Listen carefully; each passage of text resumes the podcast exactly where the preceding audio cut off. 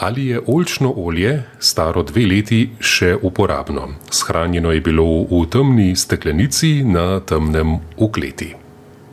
Vsekakor, vse okus bo povedal najprej. Ker olje, če je pokvarjeno, žalta. Se pravi, greni, ni okusa več zdravega oljčnega olja, bučnega olja. Vsako, vsaka maščoba nam bo takoj že po vonju, še bolj pa po okusu povedala, če slučajno ni več dobra.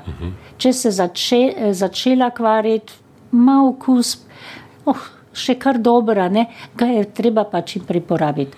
In ga porabi, v tem primeru ni najbolj za solate, ker damo sveže, ne, ker lahko ga pa tako, eno žlico da v peče zrezke, vsepovsod takole za opekanje, za praženje in to, ga na ta način uporabi in tako olje bo čisto še zdravo uporabljeno.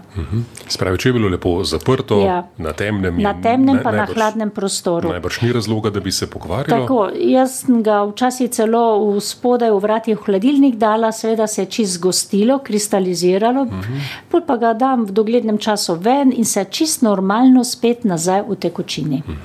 In je čisto kakor sveže, bi rekla, kakor damo eh, živila v skrinjo in nekje ohranimo tole svežino, pa spet ko uporabimo. Mhm. Pa lahko sploh rečemo, da ima kakšen rok uporabe, tako olje recimo.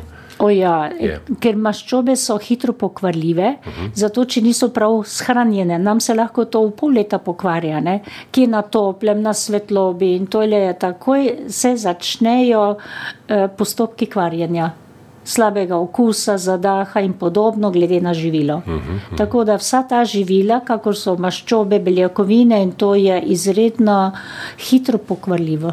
Tako da je treba Ja, biti kar. ne v prvem tednu, ne v prvem mesecu, ampak nam to je čas, fu, kdaj pa je to minilo, glej, in zdaj pa takšno, proti pričakovanju. a Ne? Torej, treba le biti pozoren in Ja, Ja. olje pravilno spraviti, če Tako. je večja količina, da nam bo po daljšanem času še vedno prav prišlo, oziroma ohrani se zdravo naprej.